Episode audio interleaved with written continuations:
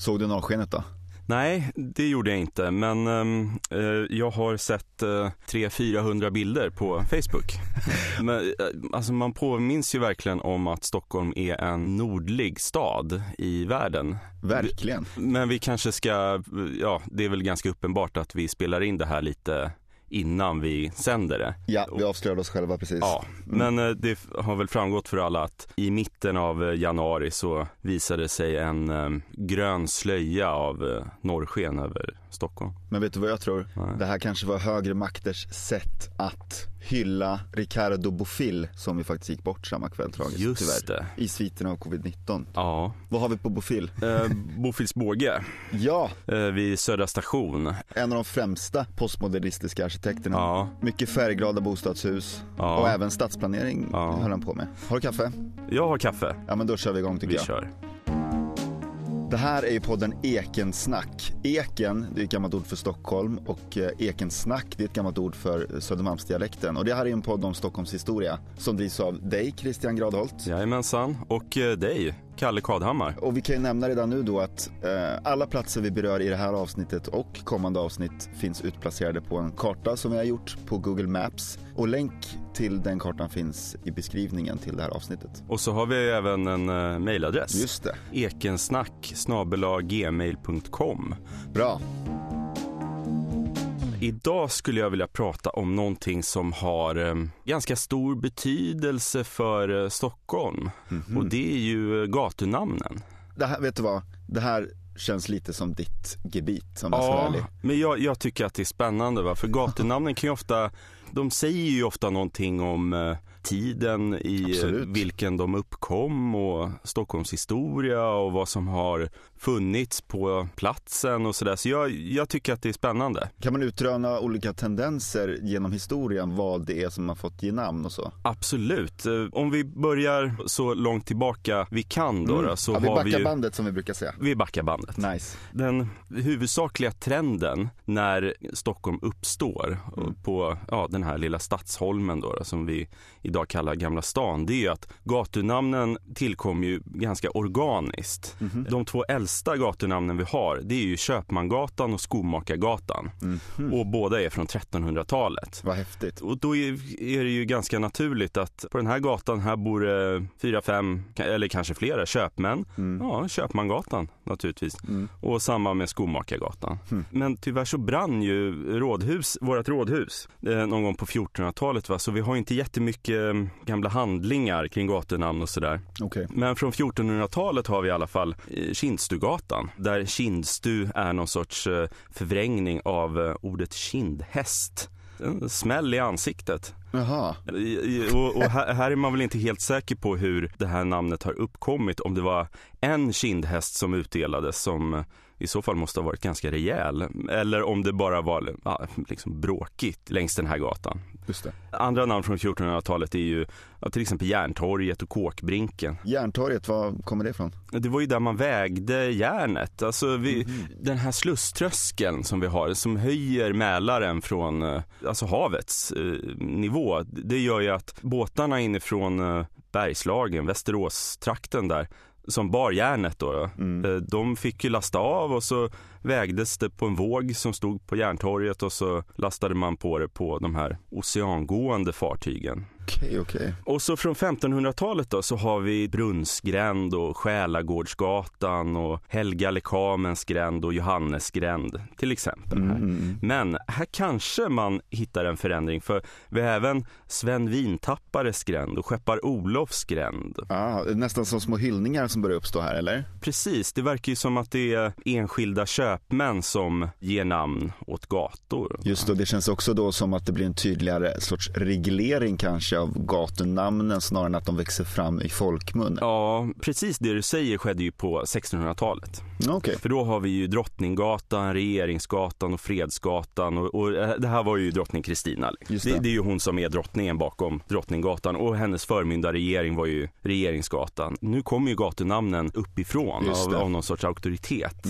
Och sen från 1700-talet så har vi ju Brända tomten till exempel. Det är ju den här älskade lilla platsen i Gamla stan där Mm. det var ett hus som brann ner och så bestämde man sig för att inte bebygga det. Då hade man en plats att vända på. Men på 1700-talet, där är det ju någonting ganska avsevärt som händer i och med att stadsingenjör Petrus Tilleus gör sin karta och publicerar sin karta 1733. Okay. Som är en otrolig karta över Stockholm och där är ju gatunamnen med. Mm. Det är första tillfället det här händer och då får ju gatornas namn liksom en officiell karaktär. Ja. Så de gatunamnen som finns med på Tilleus karta blir etablerade. Mm. Men sen så börjar ju Stockholm förändras. Va? Mm. Om vi hoppar fram till 1857. Eh, mm. Jag hittade i Stockholms Dagblad från 31 december överståthållaren Betes kungörelse. Och då gällde det alltså en namnrevision. Då tog man liksom ett lite större grepp och passade på att byta namn på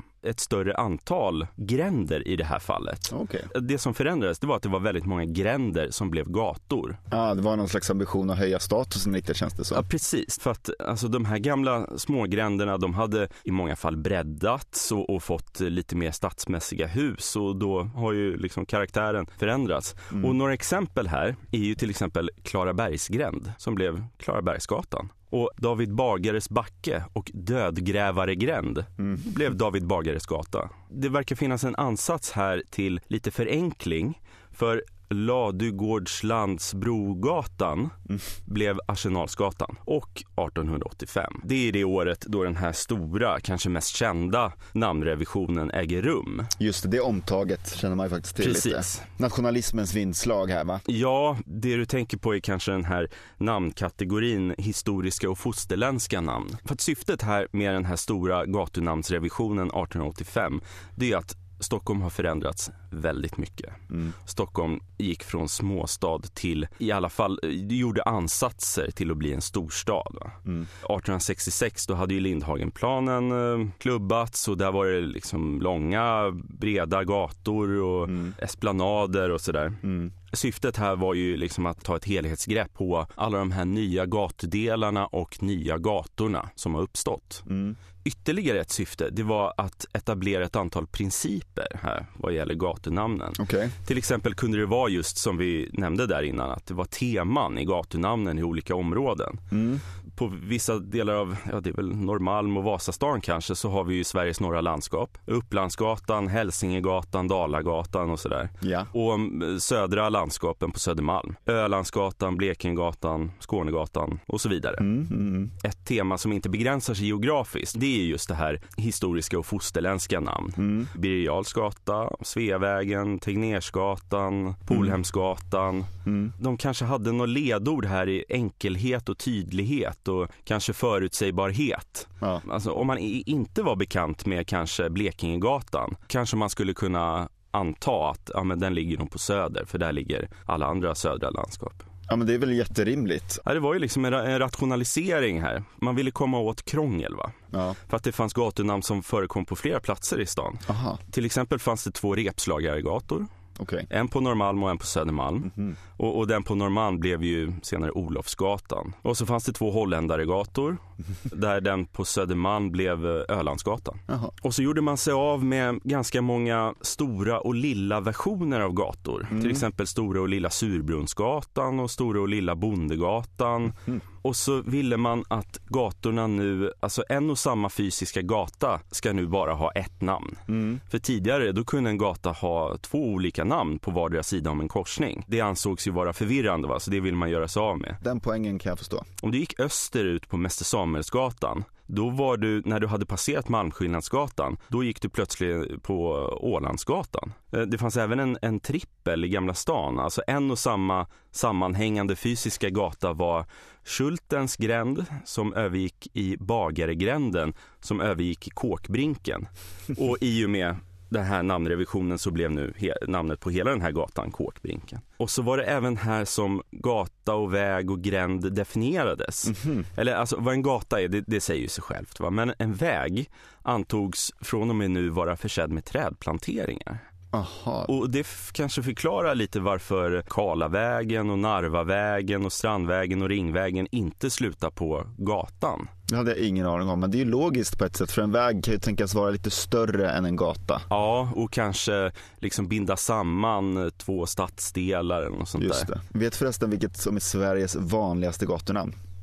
Det kanske inte är Storgatan, men är det inte någon sån här eh, Stationsgatan eller något sånt där? Det är faktiskt Ringvägen. Aha. Fanns det fler där? Gata, väg, gränd? Ja, alltså gränd fortsatte ju vara de här allra minsta. Ja, Och jag tror att nu för tiden om man namnger en gränd, då är det att det är en återvändsgränd. ja, ja. ja. Man vill även skapa variation vad gäller namn på grönområden. Mm, okej. Man höll ju på att anlägga mycket parker och sådär. Mm. Men vissa av de här gav man namnet Lunden. Och till exempel ja, Vanadislunden och Ja. Observatorielunden och sådär. Och så berget när det var lite mer tydliga topografiska förhållanden. Och så i vissa fall så gjorde man sig även av med det här gyttret av namn. Va? Mhm. Eh, till exempel fanns ju Beridarebansgatan och så fanns det även Östra Beridarebansgatan och Västra Beridarebansgatan. Det, det blir liksom för mycket va. Ja, De två sista blir ju här eh, Sergelgatan och Slöjdgatan. okej. Hur som helst så beslutades den här namnrevisionen då. då. Mm. Eh, 16 juni 1885 och det är faktiskt på dagen 100 år före min födelse. Oj, Ja, det stod i stjärnorna. ja, och så fastställdes den här genom överståthållarämbetets kungörelse den 1 augusti. Okej. Det var ju några saker som man inte tog tag i här 1885. Va? För att i Stockholm så hade vi ju mängder av kvarngator och kvarngränder. Just det. Eh, Och det är ju förvirrande. Om man säger Västra Kvarngränd, var ligger den? Det finns tre stycken i stan. Okej. Så um, 1890, då skriver överståthållarämbetet till stadsfullmäktige och säger att det här får ni faktiskt fixa. Mm. För att på Söder så fanns det hela två Västra Kvarngränd, bara några hundra meter ifrån varandra. Mm. Och så eh, en annan uppe vid, eh, ja, Tegnérlunden faktiskt. Mhm. Uppe på Kungsklippan, där hade du Östra och Västra Kvarngränd. Mm. Och så dessutom Lilla Västra Kvarngränd. Och så hade du Stora och Lilla Kvarngränd in till Humlegården och en Lilla Kvarngränd in till Observatorielunden. Så det var ett gäng kvarngränder som behövde få nya namn. Mm. Eh, och det fick de då i en liten namnrevision light eh, 1891. Okej, okej. 1922 här så var det en till namnrevision. Då försökte man ta tag i de här Klara kyrkogata och Norra och Klara Västra och lite såna här saker. Mm. Jag, ska inte fastna så länge vid den. Eh, förutom vid, man ville här eh, ändra namn på Stora Vattugatan till Vårdtornsgatan. Okej. Det hade ju varit något. Alltså som, det påminner ju verkligen om Stockholms historia. Det här Mm. vårdtornet högst uppe på Brunkeberg där man eh, spanade efter bränder och sådär. Ja, fint. Och så tyckte man att Brännkyrkagatan kunde gott bli Besvärsgatan igen. Ja, det hade varit lite kul. Ja, verkligen. Men, och det är intressant här, jag fastnar lite någonstans vid det här du pratar om tematiken på olika områden. Det är ju Mm. faktiskt rätt roligt. Min personliga favorit, nästan humoristiska, i Enskede finns Delägargatan och Medlemsgatan och Revisorsvägen. Ja, Det känns som att fantasin har liksom börjat ta slut. ja man, man har liksom eh, vänt på stenar för att bara komma på nya namn. Det var många gator som skulle döpas vid seklets början. Ja, just det. 1932, Mm. då var det ju en, en, en väldigt stor gatunamnsrevision, men den innebar inte särskilt många helt nya namn, utan den genomfördes för att språket hade förändrats. Man gjorde väldigt små ändringar i väldigt många gatunamn. Eh, bland annat skulle samtliga delar i ett gatunamn skrivas med stor bokstav. Till exempel Breda gatan och Smala gränd. Okej. Då är det gatan och gränd som skrivs med stort G. Mm. Och så var det ju de här gränderna som Alltså tidigare hette ju till exempel Stora Gråmunkegränden och Tyska skolgränden Mm. och all, alla de här blev ju gränd. Och så det här e i vissa gatunamn, 49 stycken faktiskt försvann. Till exempel Riddaregatan som Mm. blev Riddargatan och Mm. Saltmätarregatan som blev Saltmätargatan och så vidare. Och det var även nu, 1932 här, som Ladugårdslands torg officiellt blev Östermalmstorg. Mhm. Och namnberedningen, de gick längs hela Birger Jarlsgatan. Mm. De räknade till totalt 63 skyltar Mm. som upplyste om namnet Birger Jarlsgatan. Men namnet fann de hela fem olika versioner av. Birger Jarls gata med litet g. Birger Jarlsgatan, alltså så som vi säger idag. Mm. Birger Jarlsgatan, alltså all, hel, allting i ett ord utan mellanslag. Ja. Birger Jarls gata med bindestreck mellan Jarl och gata. Mm. Och Birger Jarlsgata med bindestreck mellan alla ord. Ja, så det, man kan nog faktiskt säga att den här namnrevisionen var påkallad. Alltså. Mm. Men på senare tid så har man väl insett att det behövs fler gatunamn som fäster uppmärksamheten på framstående kvinnor. Mm. Och här är det väl framförallt i Fruängen som de flesta gator med kvinnonamn finns representerade. Där finns ju um, Elsa Beskow och Ellen Key och Karin Boye. Och, och... Shoutout till Stockholmsentusiasten Lars Epstein på Dagens ja. Nyheter. Han har drivit att eh, många trappor som inte har namn i eh, Stockholm ska döpas efter framstående kvinnor. Just det, jag läste om det. Det var någonting vid Mosebacke va? Ja men precis, han har drivit det här ett tag och nu sker det faktiskt. Staden har lyssnat på honom och de börjar döpa vissa odöpta trappor efter framstående svenska kvinnor. Det är en eloge till Lars. Ja. Men det duger ju inte att prata om gatunamn utan att föreslå ett som saknas. Det här är jag spänd på. Tyvärr måste jag väl ändå säga att jag kommer ju föreslå ett mansnamn då. då. Men det är ju han som jag tog upp i början här, eh, Petrus Tilleus, mm. alltså Tilleusgatan, mm. efter eh, stadsingenjören på 1700-talet. Han har ju en väldigt tydlig roll för eh, Stockholms gatunamn i och med att han ritade sin karta där med gatunamn 1733. En inlaga från Christian Gradholt här alltså i Ekensnack. Tack för mig. Christian, vet du vad som är roligt här? Du har ju pratat om gaturegleringar, gatunamn som mm. blev av. Jag skulle vilja prata om regleringar som inte blev av.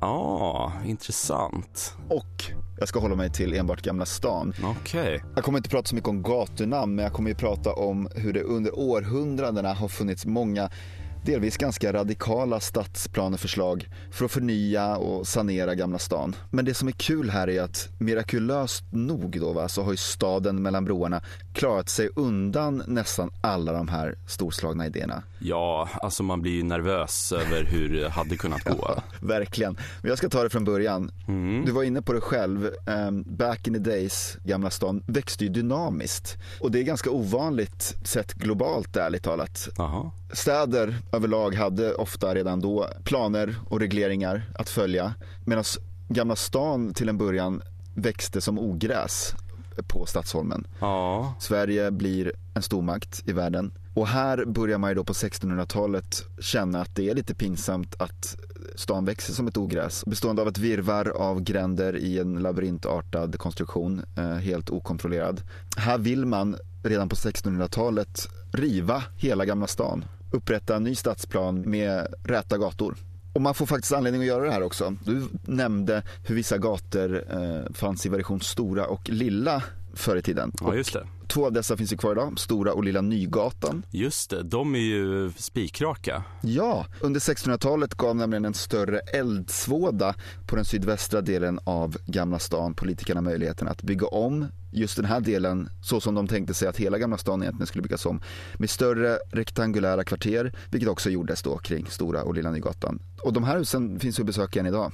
I samma veva revs också Stadsmuren i öster, vilket möjliggjorde för eh, viss exploatering längs Skeppsbron. Och Skeppsbron har kvar sitt nuvarande utseende från just 1600-talet. Just det. Och det här var ju då citat till nytta och prydnad för eh, Stockholm och det var liksom landets främsta skyltfönster utåt. Här kom ju då alla båtar in, besökare som anlöpte Stockholm med fartyg. Men jag tycker det är lite fint också att man har haft eh, estetiska värden mm. för ögonen, inte bara så här praktiskt och...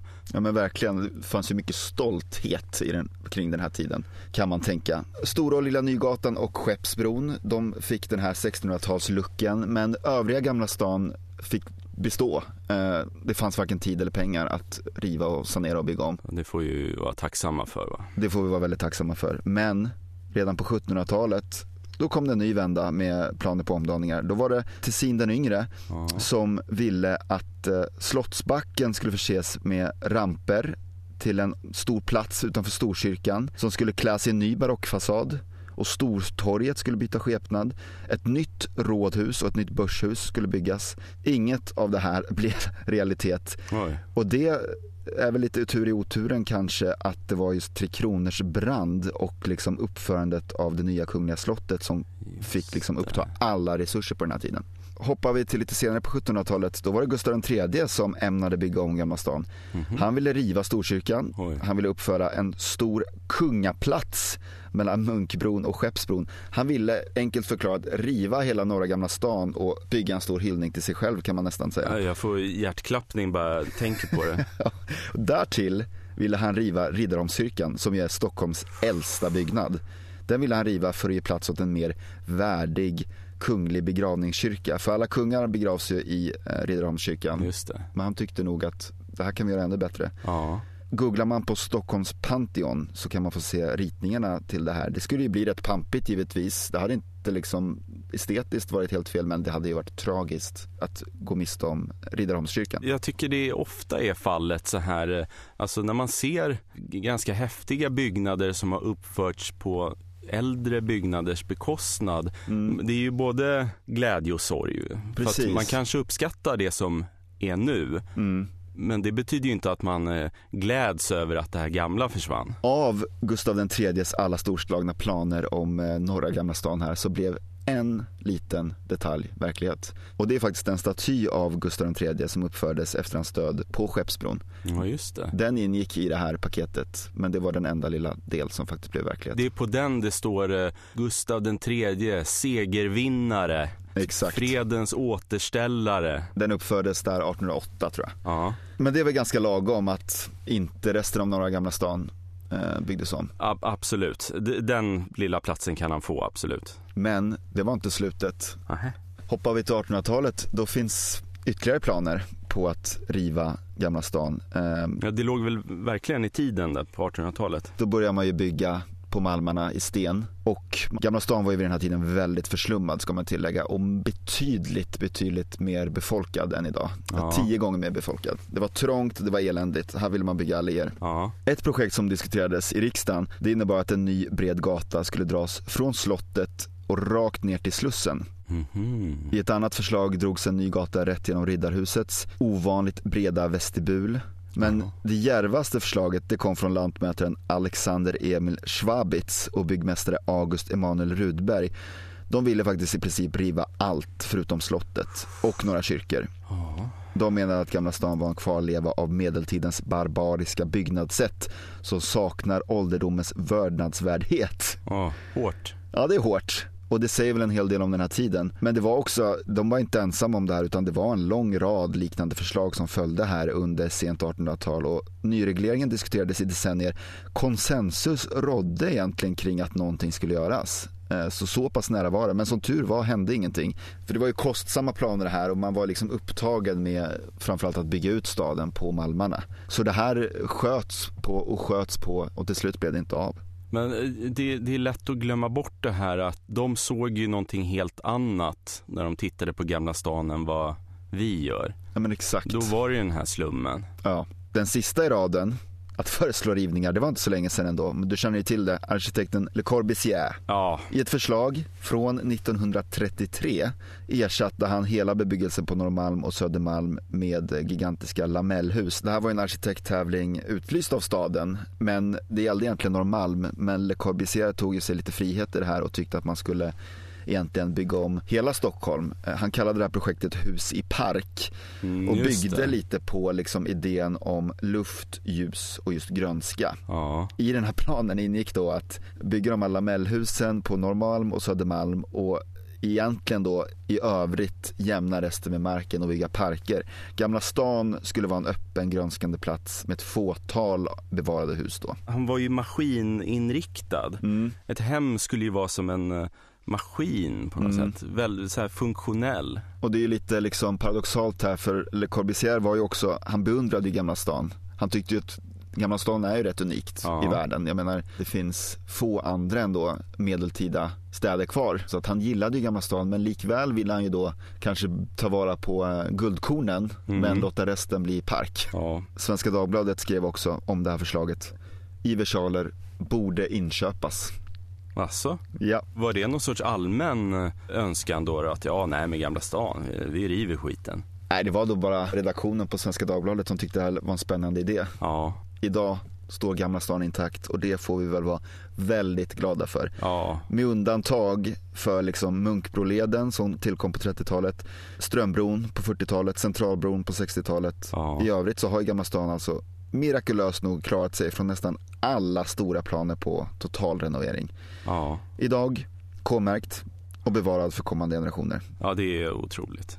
Det finns exempel på andra regleringar som inte har blivit av. Eh, Djurgården planerade sig också bebyggas på 1800-talet. Just det. Jag tror jag har sett någon karta där med inritade kvarter och, och över hela Gärdet. Och... Ja men exakt. Ja. Och sen finns det ju regleringar som blivit av som vi också kommer få anledning att prata om. Klara känns ju som att vi inte kan komma undan. Det Nej. måste vi göra en specialare om snart. Det flaggar vi för. Vi hörs. Tack Christian. Tack Kalle.